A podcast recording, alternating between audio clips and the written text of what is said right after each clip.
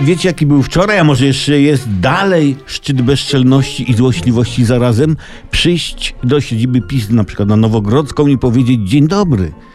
PiS niby wygrał wybory do... No, Przecież to śmieszne było. Nie, nie, śmiejemy się tylko w duchu. PiS niby wygrał wybory do Sejmu, ale będzie miał niejakie trudności z utworzeniem rządu. Co prawda, jak ktoś napisał, PiS zaleca się do PSL, bo tam eurodeputowany z PiSu pan Zdzisław Krasnodębski poinformował, iż PiS chce siąść z PSL do rozmów.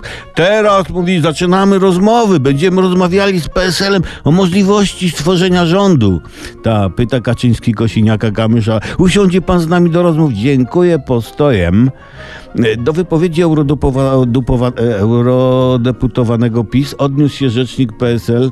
Niech pan zapomni za te kłamstwa, za te oszczerstwa, za nienawiść i opluwanie nas wszystkich, za złodziejstwo i wszystkie afery rozliczymy was. Powiedział spokojnym głosem i dodał pojednawczo: Może na Berdyczu wpisać prezes Kaczyński i ta cała jego hołota. Osiem lat nas zniszczyli, naprawdę myślą, że dziś PSL będzie chciało z nimi współpracować?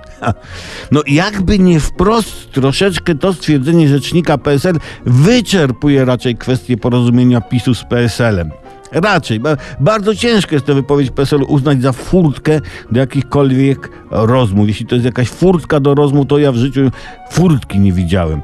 No ale desperacja po stronie PiS jednak jest duża. Jeden z polityków PiS anonimowo powiedział nawet, że są gotowi, cytuję, dać PSL-owi premiera.